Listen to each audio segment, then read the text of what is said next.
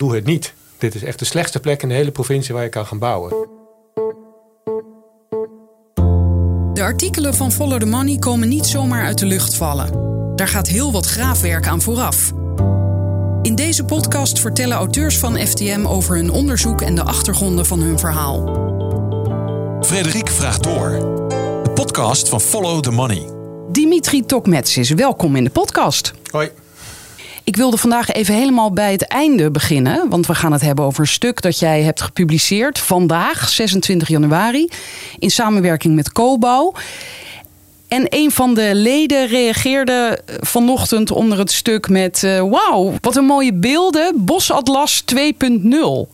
Ja, ik zag het. Nou, dat is mooi, want dat was ook de bedoeling. Is dat een compliment, inderdaad? Ja, zeker. Ja, we wilden het uh, op een wat uh, visueel aantrekkelijker manier vertellen.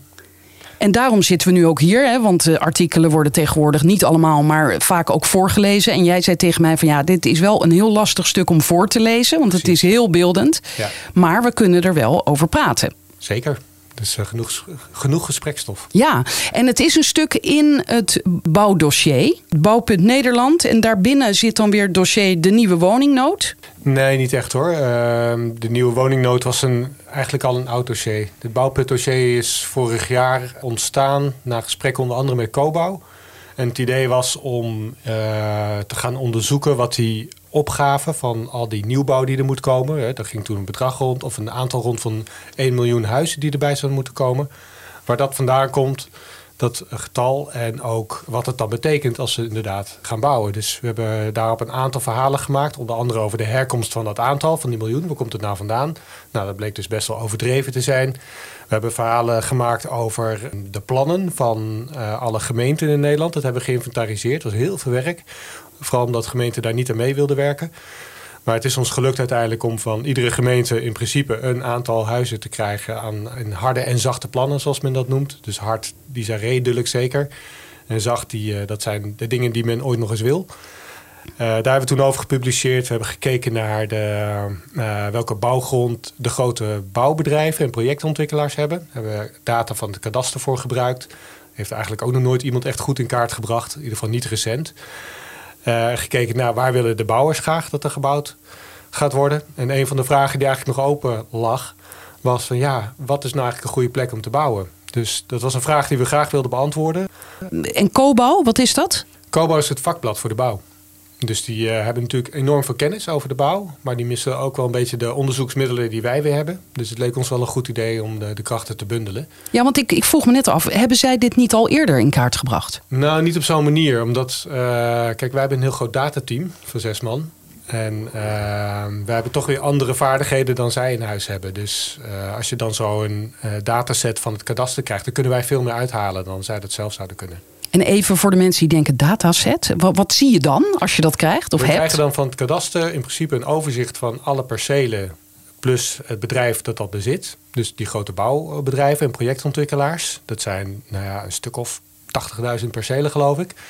Maar dat is een ruimtelijke dataset. Dus dat is geen uh, tabel uh, in, de, in de klassieke vorm. Het is geen Excelletje of zo. Maar het is een, uh, een geodatabase, zoals men dat noemt. En daarin staan de percelen ingetekend. Dus op de juiste locatie. En uh, daar heb je wel wat andere vaardigheden voor nodig om, daar, om dat te analyseren. Dus dan moet je met dat soort ruimtelijke data overweg kunnen. En dan kun je hele andere dingen gaan berekenen. En dat soort uh, analyses kunnen wij goed doen. Oké, okay. we horen een klein uh, klingeltje op de laptop van, maar dan kan ik je meteen introduceren. Erik Komen, universitair hoofddocent ruimtelijke economie aan de Vrije Universiteit in Amsterdam. Welkom. Ja, correct, je zat hier tot nu toe stilletjes, stilletjes maar nu maakt jouw computer uh, geluid. Ja, precies. Uh, dat is helemaal niet erg. We hebben namelijk alle drie een laptop voor onze neus, omdat we inderdaad straks ook naar dit stuk gaan kijken. Hè? Want al eerder gezegd, het is heel beeldend. Oké, okay, dus we hebben het dossier. er is een oud dossier, een nieuw dossier. Die zijn samengevoegd bij Follow the Money. Zes datajournalisten die daar en andere journalisten ook mee bezig zijn. Het laatste nieuwe stuk uh, gaat over waar komen die huizen dan? Of eigenlijk waar zouden ze kunnen komen? En toen kwam jij om de hoek, Erik.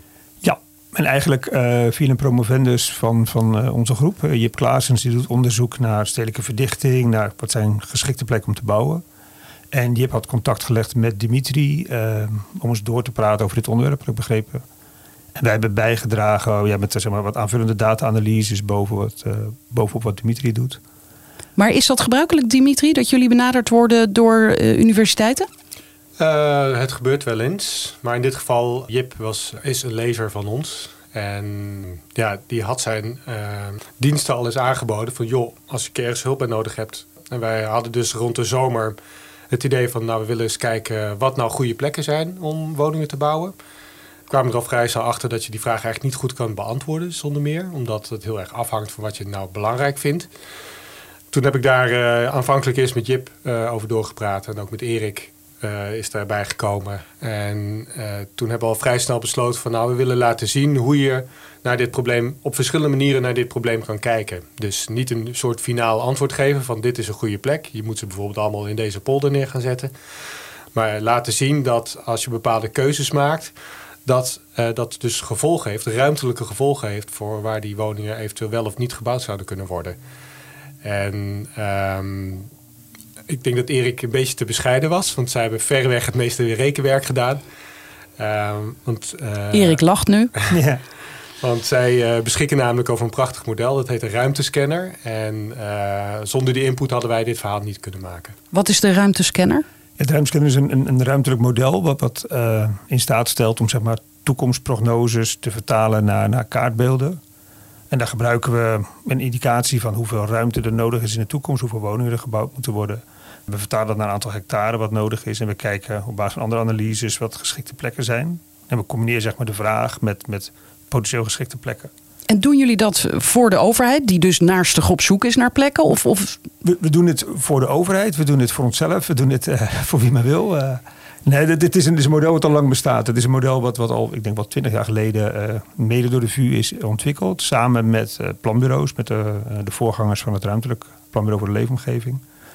En de laatste jaren werken we veel voor het planbureau voor de leefomgeving aan het, het verder uitbreiden, het verder verdiepen, het maken van nieuwe toepassingen van dat model. En om het even concreet te maken, eh, stel je neemt de provincie Friesland.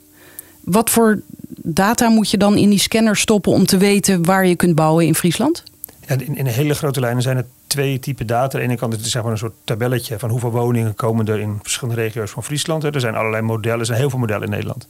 En er zijn modellen die, die zeggen iets over de demografie, over bevolkingsontwikkeling. Uh, en dan als vertaling daarvan komt eruit vragen naar aantallen woningen per gemeente, per, per op regio, per provincie. Dus eerst ga je kijken hoeveel is hier nodig? Dus de eerste vraag is hoeveel is er nodig? De vraag, zeg maar. Dat is één dat is zeg maar, per ruimte, per, per regio specifieke opgave. En vervolgens hebben we aan de andere kant hebben we hele gedetailleerde vierkantjes van 100 bij 100 meter.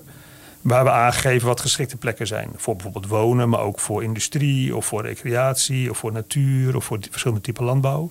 En we combineren zeg maar, die vraag met de lokale aanbod van gronden wat er geschikt is. En dat proberen we dan op de beste manier te combineren. Er is allemaal uh, economische theorieën over hoe je dat zou kunnen combineren. En een afgeleide van dat model, wat we dus nou, voor, voor PBL verder ontwikkelen, waar PBL zelf ook heel veel aan doet. Daar, voor dat model um, hebben we een soort afgeleide gemaakt die we makkelijk kunnen inzetten om het alternatieven door te rekenen, zoals Dimitri uh, dat voor ogen had. Ja, want de titel van het stuk is tientallen grote bouwlocaties door klimaatverandering ongeschikt voor woningbouw. Is dat zo'n factor die wordt meegenomen in die ruimtescanner, het klimaat? Ja, we hebben naar twee grote variabelen gekeken, uh, als je het zo mag noemen. Uh, twee belangrijke scenario's. De eerste ging over verdichting. ja, dat, dat noemde jij ook net even kort, Erik. Maar wat is dat eigenlijk? Ja, verdichting is, is eh, heel simpel gezegd het, het, deel van de woningen wat je kwijt kunt binnen het bestaande stedelijk gebied.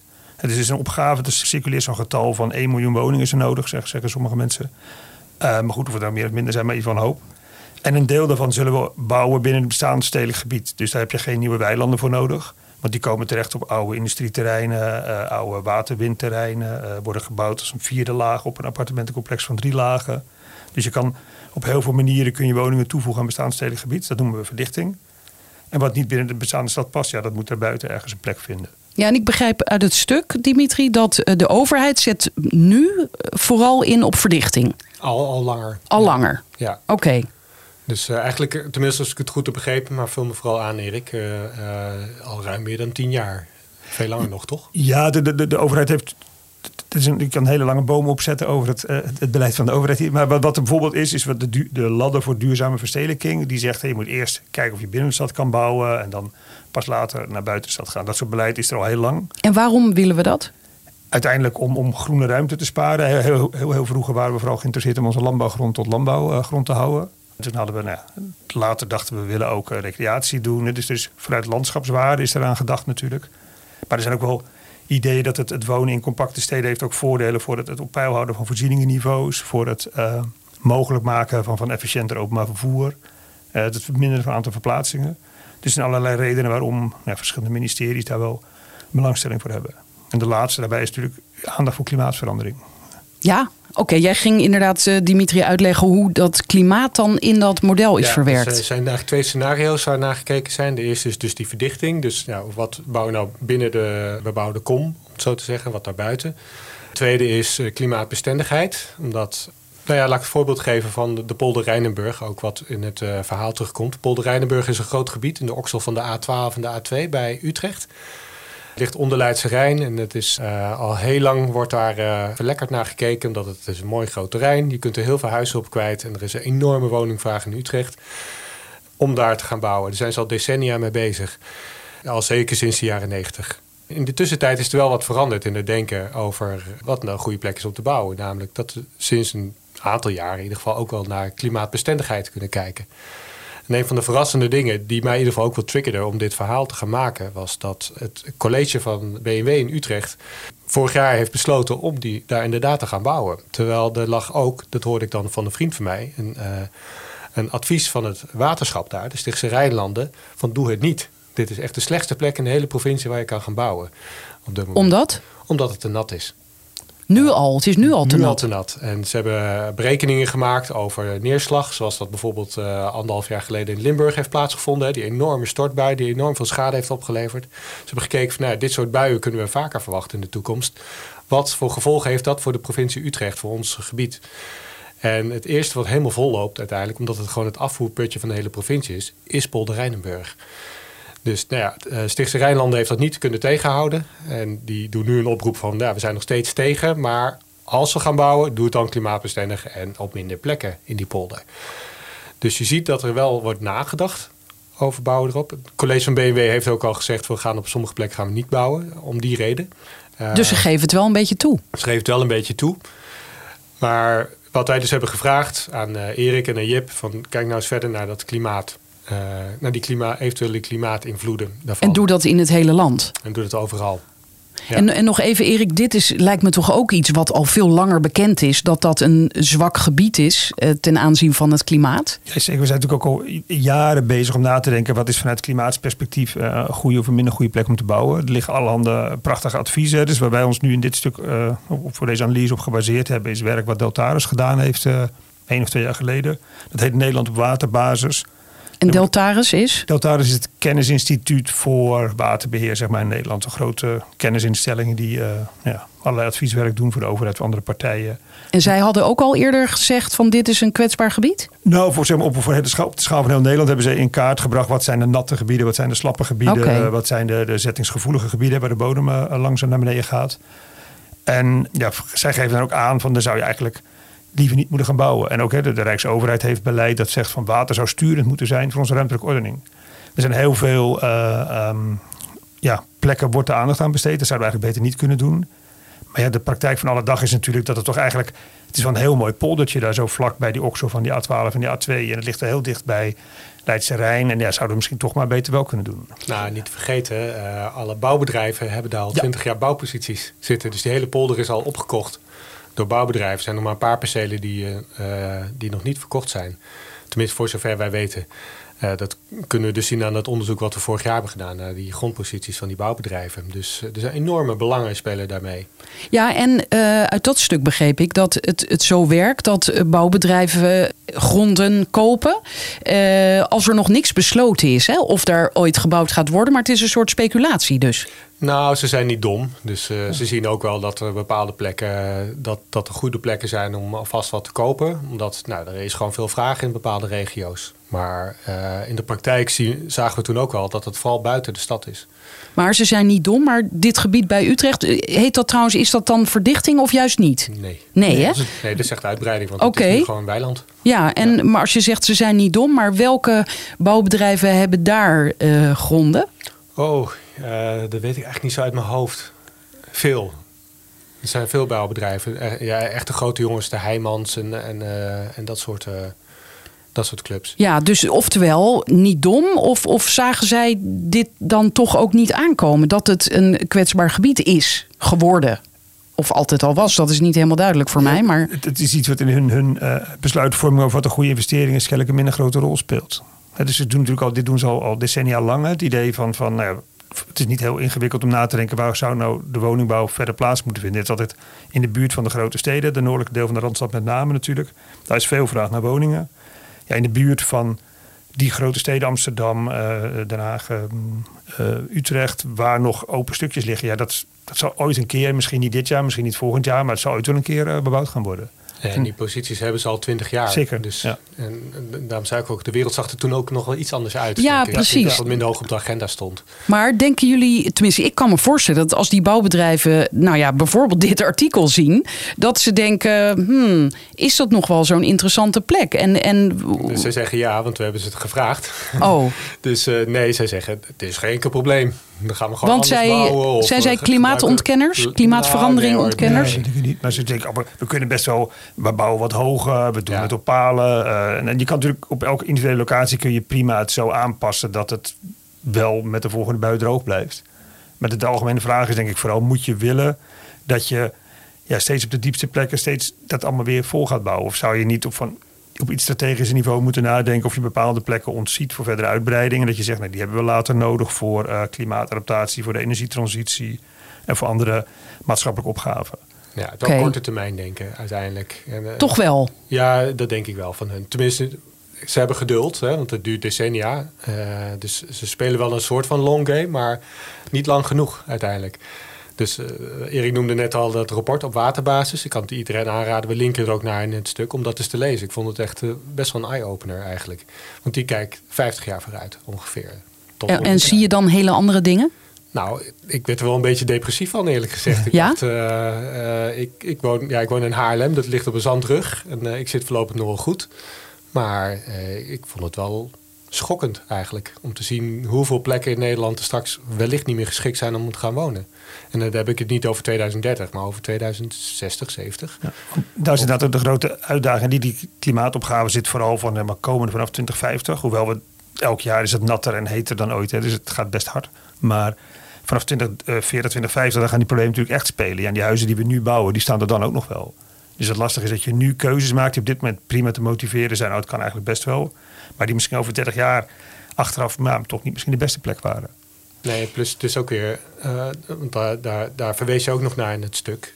Ook het afschuiven van privaat risico op, uh, ja. op, op het publiek uiteindelijk. Want natuurlijk, die bouwers die kunnen gaan bouwen. En dat kunnen ze in principe gewoon doen. En uh, waarschijnlijk komen ze, kunnen ze het wel rendabel krijgen. Maar dan moet natuurlijk ook nog allemaal infrastructuur en dergelijke worden aangelegd. En dat zou ook heel veel extra onderhoud vergen als inderdaad de bodemdaling doorzet of als het uh, telkens onderstroomt en dat soort dingen die de gemeenschap moet betalen. Precies, dus dit lijkt me een interessante vraag voor de politiek. Jullie zeggen oké, okay, je kunt daar klimaatbestendig bouwen. Eh, dat is misschien duurder, zeker als je ook eh, denkt aan infrastructuur bijvoorbeeld. Kunnen we dat betalen? Dat weet ik niet. Geen idee. Ik weet niet wat er allemaal op ons af gaat komen. Nee, maar Hugo de Jonge heeft die opdracht hè, voor 1 miljoen woningen in tien jaar, toch? Ja. Nee, wacht even. Ja, 2030, dus dat is... Uh, Acht jaar, zeven. Ja, en er hangt ook een bepaald prijskaartje aan. Maar als het, stel dat je opeens zegt op, op 9 van de 10 plekken die men in gedachten had, moet je klimaatbestendig gaan bouwen en dat is veel duurder, dan kan je toch veel minder woningen bouwen? Met hetzelfde budget wel. Dat, dat, dat zou een probleem kunnen zijn, inderdaad. Een belangrijk probleem is denk ik nog dat de manier waarop je nu doorrekent of je op die plek kan bouwen. Je kan zeg maar een huis zo bouwen dat het nu niet overstroomt. Maar Met name de kosten die dan later voor nou, tot onderhoud van de wegen komen. Het feit dat je dan nu een polder toch weer volzet met woningen, waardoor je later, als de, de, de waterstand in 2050 echt pak een beetje deze meter gestegen is, die zijn nog steeds moeilijker droog te houden. En als je dat dan nu allemaal al, al vastgezet hebt. Dus de kosten komen met name later. Dus de, de één kant is de kosten die je nu hebt. Voor nu doorrekenen, is het huis op deze plek rendabel ja of nee? Nou, ik denk dat je daar nog redelijk goed uitkomt op dit moment. Hoewel je met stijgende bouwkosten en rente een beetje ingewikkeld is. Maar wat lastig is, en wat ik ook niet goed kan overzien. Maar ik denk dat als je het in 2050 ziet. Uh, waar de, de, waterstand heel erg gestegen is, die bodem verder gedaald is. Ja, dan komt de gemeenschap zulke kosten te staan om die, al die plekken toch nog droog te houden. Dat je eigenlijk kan afvragen of het nou handig is om, om dat we er ooit gebouwd hebben. Ja, je noemt ook nog andere factoren, de, de rentestand, zei je. En, ja, als je het over wat, wat bepaalt wat het kost om iets te bouwen, zeg maar. Ja, maar dat is vandaag in het nieuws. Hè, dat er de prognose voor dit jaar is dat er niet 100.000 woningen gebouwd zullen worden, eh, maar slechts 70.000. En dan worden twee redenen aangevoerd: de rentestand en dure bouwmaterialen. En eigenlijk een derde ook, dat sommige mensen zich terugtrekken omdat ze dat huis niet meer kunnen betalen. Ja. Maar dan heb je dus jullie verhaal van het klimaat er nog niet eens in meegenomen. Nee, maar goed, dat, maar wat mij betreft is het vooral een verhaal dat je zegt... je kan beter misschien niet hier bouwen, maar kun je beter daar bouwen. Dus Oké, dus dat hoeft de aantallen niet te beperken? Het hoeft de aantallen niet te beperken. De vraag is dan of het binnenstedelijk zoveel duurder is dan buitenstedelijk. Of op een alternatieve locatie zoveel duurder is dan op een zeg maar, klimaatgevoelige locatie. Ja, ja en dat model ook mee laten, dat, dat rekent, dat krijgt een opdracht. Hè. Er moeten 808.000 huizen worden gebouwd. Um, dat model zoekt sowieso de plek daarvoor. Uh, Deze ruimtescanner. Ja. ja. Dus alle plaatjes en scenario's die, die we presenteren, wordt aan die plicht voldaan om die 808.000 huizen te bouwen. Oké, nou laten we even naar die plaatjes kijken. Dat is altijd even lastig, hè? audio en plaatjes. maar wat, wat zien we in het artikel? Het eerste wat ik zie is een plaatje van uh, die polder Rijnenburg bij Utrecht. Waar we het net over hadden. Hebben jullie gewoon even laten zien waar die ligt.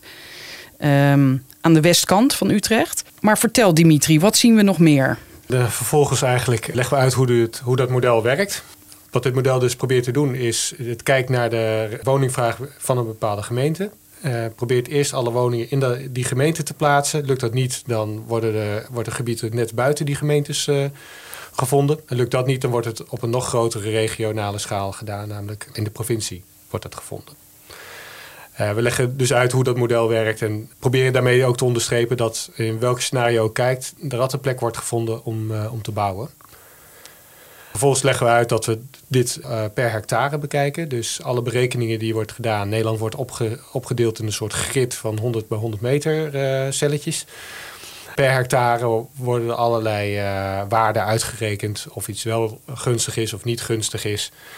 Um, en dan begrijp ik dat er per hectare wordt gerekend met uh, eh, 25 woningen.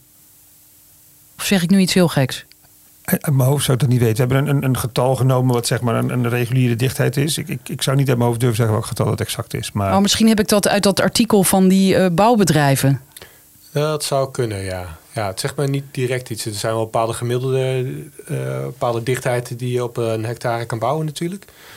Volgens mij zat het toch richting de 50. We hebben het wel over gehad. We hebben het over gehad. En ja. Jip weet het, want die heeft het al. Ik praat er wel over, maar Jip heeft al het werk gedaan. Uh, die heeft dat uh, ingesteld van 808.000 woningen. Nou, je kan uitrekenen, kijken naar het verleden. Wat is ongeveer de gemiddelde dichtheid? En dat hebben we aangenomen. Dus het gaat hier om het, het bouwen van zeg maar eensgezinswoningen, zeven in een rijtje, zoiets. En dan uh, met een bepaalde omvang. En er komt natuurlijk altijd wat ruimte bij voor infrastructuur enzovoorts.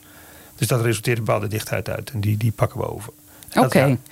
De, de, visualisaties die, die Dimitri uh, heel mooi gemaakt heeft, die ik denk ook aan mijn studenten gelaten zien, want die moeten ook leren werken met dit model. En dit lijkt me erg behulpzaam om het te laten begrijpen. Het zat er alle handen van, van lagen zijn die je toevoegt waarbinnen je beter niet kan bouwen. Er zijn plekken, het is, het is natuurgebied en dan mag het niet. Het is een bepaalde omgevingsrestricties gelden er. Vanuit provinciaal beleid, vanuit nationaal beleid mag er bepaalde dingen niet. Nou, die sla je dan over en dan kijk je wat er volgens nog beschikbaar overblijft als, als ruimte om te bouwen.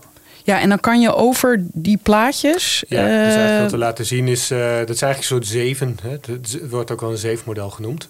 Waarbij Nederland door een zeef drukt. En uh, de, de, dat wat overblijft, daar zou je theoretisch gezien kunnen bouwen. Ja, want je ziet een, een plaatje van Nederland in het zwart. En dan met allemaal rode stippeltjes, waar, of blokjes eigenlijk, waar gebouwd zou kunnen worden.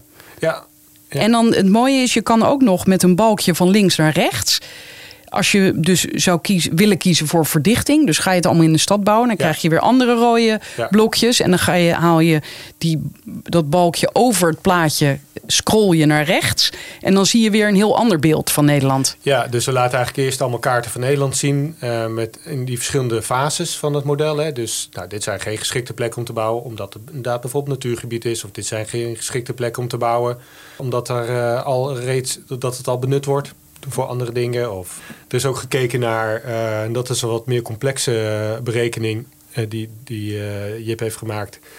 Dat gaat over meer wat is economisch rendabel om te bouwen. Want ja, je kan wel in Noordoost-Groningen heb je waarschijnlijk heel veel plek. Overigens is dat niet zo heel, helemaal niet zo'n goede plek qua bodem. Maar stel ergens ver buiten in de periferie van Nederland heb je misschien genoeg ruimte. Maar ja, het heeft niet zoveel nut om daar heel veel huizen te bouwen, want er is geen werk. Of te weinig dus er gaan geen mensen gewoon dus gaan geen mensen of weinig. Wonen. Dus uh, ook daar is dus rekening mee gehouden in dit model van is dit een geschikte plek om te bouwen, theoretisch gezien, of is dit geen geschikte plek om te bouwen? En vervolgens hebben we dan gekeken van, uh, naar de klimaatmaatregelen hebben we nog even uitgelegd. Dus wat je bijvoorbeeld ziet is een zwart kaartje met allemaal rode vlekken. Waarin we de overstromingsgebieden in Nederland laten zien. Dus, en dan zie je uiteraard rond de grote rivieren. En het zuiden van Utrecht, uh, Zuid-Holland, zie je allemaal plekken waarvan je denkt van, nou ja, dat, die plekken lopen gewoon veel kans dat ze een keer onderlopen. Ja, daar word je ook niet heel vrolijk van als je naar dat plaatje kijkt. Nee, dat is natuurlijk ook het verhaal van Nederland, dat weten we, dat uh, dit soort dingen kunnen gebeuren. Het is alleen iets minder uh, handig dat in sommige van die gebieden wel heel veel woningbouw wordt uh, gepland op dit moment. Onder de Zuidplaspolder, waarover we ook een aantal verhalen hebben gemaakt, dat boven Rotterdam ligt. Er is ook een, een lezer die wees op de website overstroomik.nl. Daar ben ik ook even naartoe gegaan. Daar kan je je postcode invoeren. Uh, hoe, en zien hoe groot de kans... Nou, niet hoe groot de kans is, maar als je overstroomt... Wat de waterdiepte is. Wat de waterdiepte ja, is. En bij mij is dat dan een halve meter. Ja, dat valt, dus valt nu nog mee. Nou, valt nog mee. Maar er staat er wel, let op. Wat betekent dit voor mij? Geen water, geen elektriciteit, geen gas, geen toilet, geen internet. Dat is dus toch wel je leven eigenlijk is dan even weg door die overstroming. Precies. En dat is dan denk ik nog de situatie zoals die nu zou gelden. Maar als over 50 jaar die zeespiegel anders is en het, uh, dan ligt het vrouw ook anders, zeg maar. Ja. Wat zien we nog meer in het stuk? Nou, vervolgens hebben we uiteraard die scenario's tegenover elkaar gezet. Dus laten zien van, nou, wat gebeurt er nou als je uh, voor dat uh, wel of geen verdichten gaat doen. Dus uh, stel, je zegt van, uh, nou, YOLO, we plempen gewoon alles vol. En, YOLO, you only live once. De, ja. de extreem korte termijn visie. Precies, ja. we plempen gewoon de boel vol. nou, dan zie je inderdaad in dit geval rond de Haarlemmermeer en Purmerend, echt die westelijke randstad, noordwestelijke randstad, zie je dat er hartstikke veel plekken is om te bouwen. Het gooien al die polders me vol. Geen probleem. Maar als je kiest om wel te verdichten, dus eigenlijk om het huidige beleid voor te zetten, zoals dat nu is, dan zijn er heel veel van die gebieden zijn dan niet meer nodig. Dus voor woningbouw, omdat je die woningen elders wel kwijt kan. En dat hou je dus dan over. Uh, dat is iets waar we best wel mee hebben zitten worstelen en hoe we dat verwoorden. Want het voelt heel contra-intuïtief. Het lijkt alsof die gebieden dan kwijtraakt voor woningbouw. Maar. Uh, ja, het is over voor de langere termijn, zou je ook kunnen zeggen. De, ja. Je gebruikt ze niet nu omdat je eh, voldoende ruimte binnen de stad vindt. Dus het is nog niet nodig om die gebieden nu aan te spreken. Maar dit zullen de bouwbedrijven niet leuk vinden. Dat denk ik ook niet. Nee, want die hebben daar hun grond ja, liggen. Ja. Ja, en de gemeentes misschien ook niet, omdat het niet allemaal in hun gemeente past, maar dat het misschien ook wat meer over de buurgemeentes uh, verspreid ja. moet worden. Terwijl gemeentes krijgen geld van het Rijk als een plek wordt aangewezen als bouwlocatie, toch? Ongetwijfeld. Ik zit niet zo in die gemeentelijke uh, financiële politiek, uh, vrees ik. Meer, meer, woningen is ook meer inwoners, dus dat betekent ja. dat je voorzieningen op peil blijven, dat, dat, je, nee, dat, dat belastingen blijven vloeien, dat dat aantrekkelijk is om, om bedrijven te vestigen. Dus bedrijf, gemeenten zijn altijd zeer geïnteresseerd om dat te vergroten natuurlijk het aantal woningen. Ja. Ook omdat ze soms zelf uh, grond in handen hebben. Ook ja, zeker. Of in het verleden al gekocht hebben en nu eindelijk een keer willen gaan bouwen. En ja, dan komt er weer zo'n zo'n verhaal dat het weer niet kan. Dat is natuurlijk niet leuk om te horen. Nee, en dus de, ben jij lang gaan nadenken, Dimitri, of lang, maar in ieder geval, je hebt, uh, je dacht, ik moet dit voorzichtig formuleren. Nee, het, is meer omdat uh, als je naar zo'n plaatje kijkt, dan zie je dingen verdwijnen. Dus dan lijkt het net alsof er grond verdwijnt voor gemeentes. En dat voelt als een soort verlies. Uh, en zo zijn we als journalisten ook geneigd om dat op te schrijven. En daar hebben we best wel wat discussies over gehad uh, uh, onderling. Terwijl het is geen verlies. Omdat die woningen worden wel gebouwd. En misschien niet op de plekken waar, het, waar iedereen het wil. Maar ze komen er wel. Dus, ja. En ik heb zelf het gevoel dat dat nog niet helemaal goed in het verhaal is overgekomen. Om er iets op aan te vullen, want het is, het, dit gaat over het verdichtingsverhaal. Wat we daarmee gedaan hebben is kijken wat is in de afgelopen twintig jaar gelukt hè, om per gemeente welk deel van de woningen die zijn gebouwd, zijn in die afgelopen 20 jaar binnen het bestaansstedelijk gebied van die gemeente gebouwd. Dus in Amsterdam is dat wel 80 of 90 procent. Want het is ook logisch, want we hebben niet zoveel buitengebied. Maar we kiezen er ook voor een waterland uh, vrij te houden. Dus Amsterdam heeft een heel hoog percentage binnenstedelijk bouwen. Dus als je dan voor de toekomst dat doorzet, dan heb je dus alle woningen naar Amsterdam toe gaan. Blijft een heel groot deel ja, wordt zeg maar geabsorbeerd door de bestaande stad. Die woningen die komen er wel. Die woningen die komen dan gewoon ergens op een oud uh, verlaten terreintje. Die worden ergens in dichtheid wordt verhoogd. Er worden misschien kleine flats van drie hoog gesloopt, wordt zes hoog wordt teruggezet. Dus op allerlei manieren kun je die dichtheid verder verhogen. Dat geldt voor heel veel gemeenten in Nederland. En we doen eigenlijk helemaal niet iets raars. We nemen gewoon de gebaar verdichtingspercentage over de afgelopen 20 jaar. Zeggen we, stel nou dat je dat gewoon blijft doen, hè, precies wat je gedaan hebt. Nou, dan heb je eigenlijk maar heel veel minder nodig van uitbreiding in het stedelijk gebied.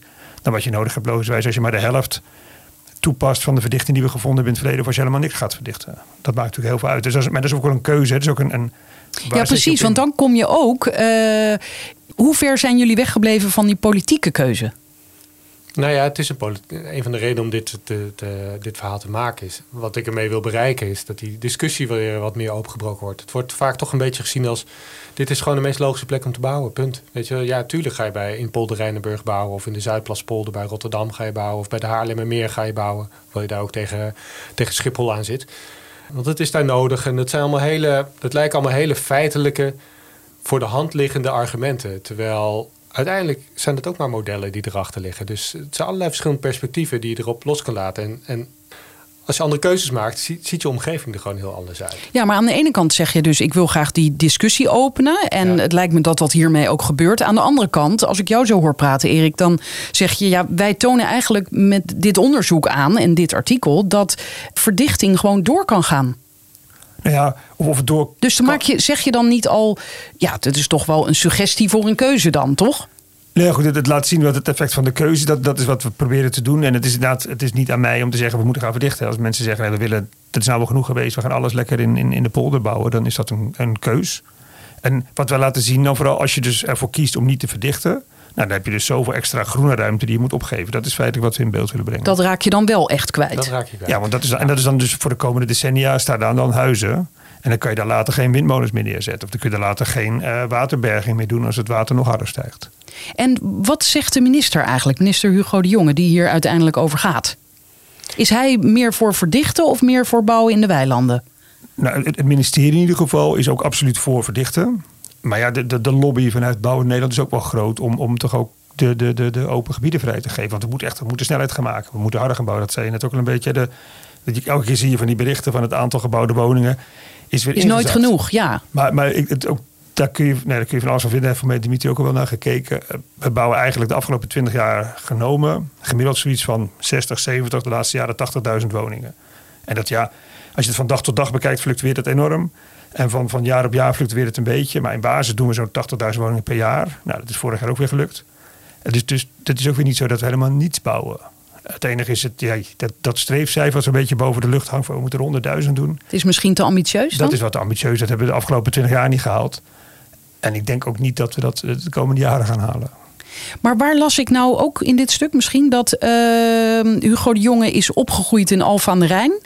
En, en daarom hoopt de gemeente Alphen aan de Rijn dat in de Gnephoek, ook zo'n gebied, zo'n ja. zo'n weilandengebied bij Alphen, dat daar gebouwd mag gaan worden. Toen dacht ik, wat is dit voor een grappige link, omdat hij daar is opgegroeid. Maar goed, uh, in Alphen willen ze daar kennelijk graag in geloven. We hebben wel verhaal over Alphen gehad, ja. En over de lobby. Uh, maar dat is al een paar maanden geleden. Uh, ja, het, zal het lijkt me wishful thinking, maar ja, is er een, een mag teken... dat niet alleen de minister uh, daarover gaat. Nee, oké, okay, uiteindelijk niet. Maar, maar uh, weten jullie hoe hij hierin staat? Hij, hij moet dus eigenlijk gewoon, hij volgt het beleid van verdichting. Ja, dat, dat is wel staand beleid bij, bij, bij het ministerie. Dus dat ja, maar die lobby is ook heel groot, zeg ja, ja, net. En, en, zeker, en, en zeker, en die willen natuurlijk altijd, ja, we moeten nu echt het, moment pakken. We moeten echt nu gaan bouwen, want het is echt, oh, zoveel tekort.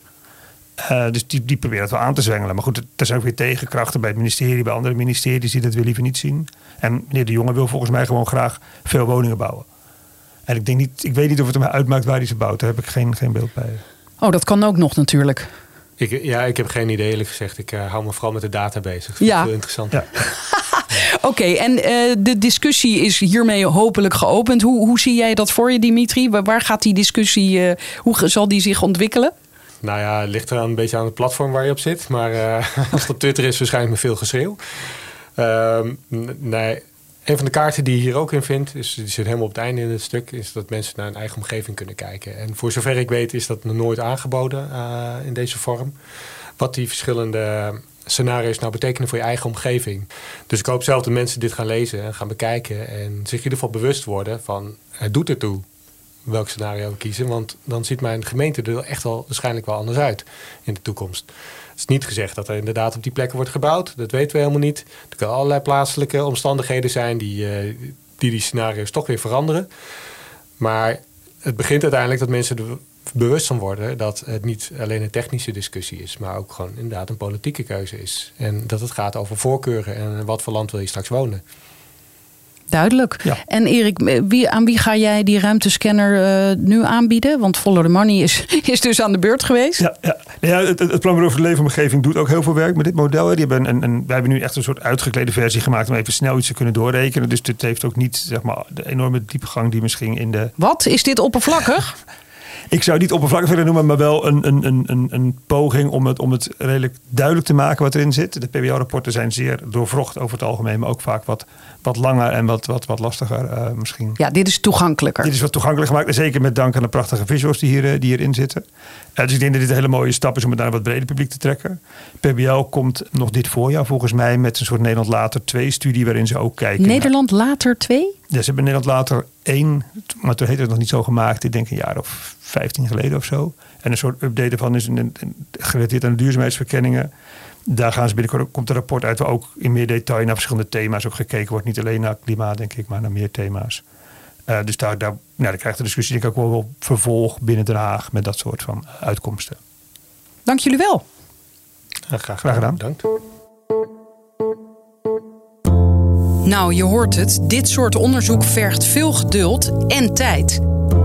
En tijd is geld. De leden van Follow the Money betalen dit. Ook lid worden? Ga naar ftm.nl.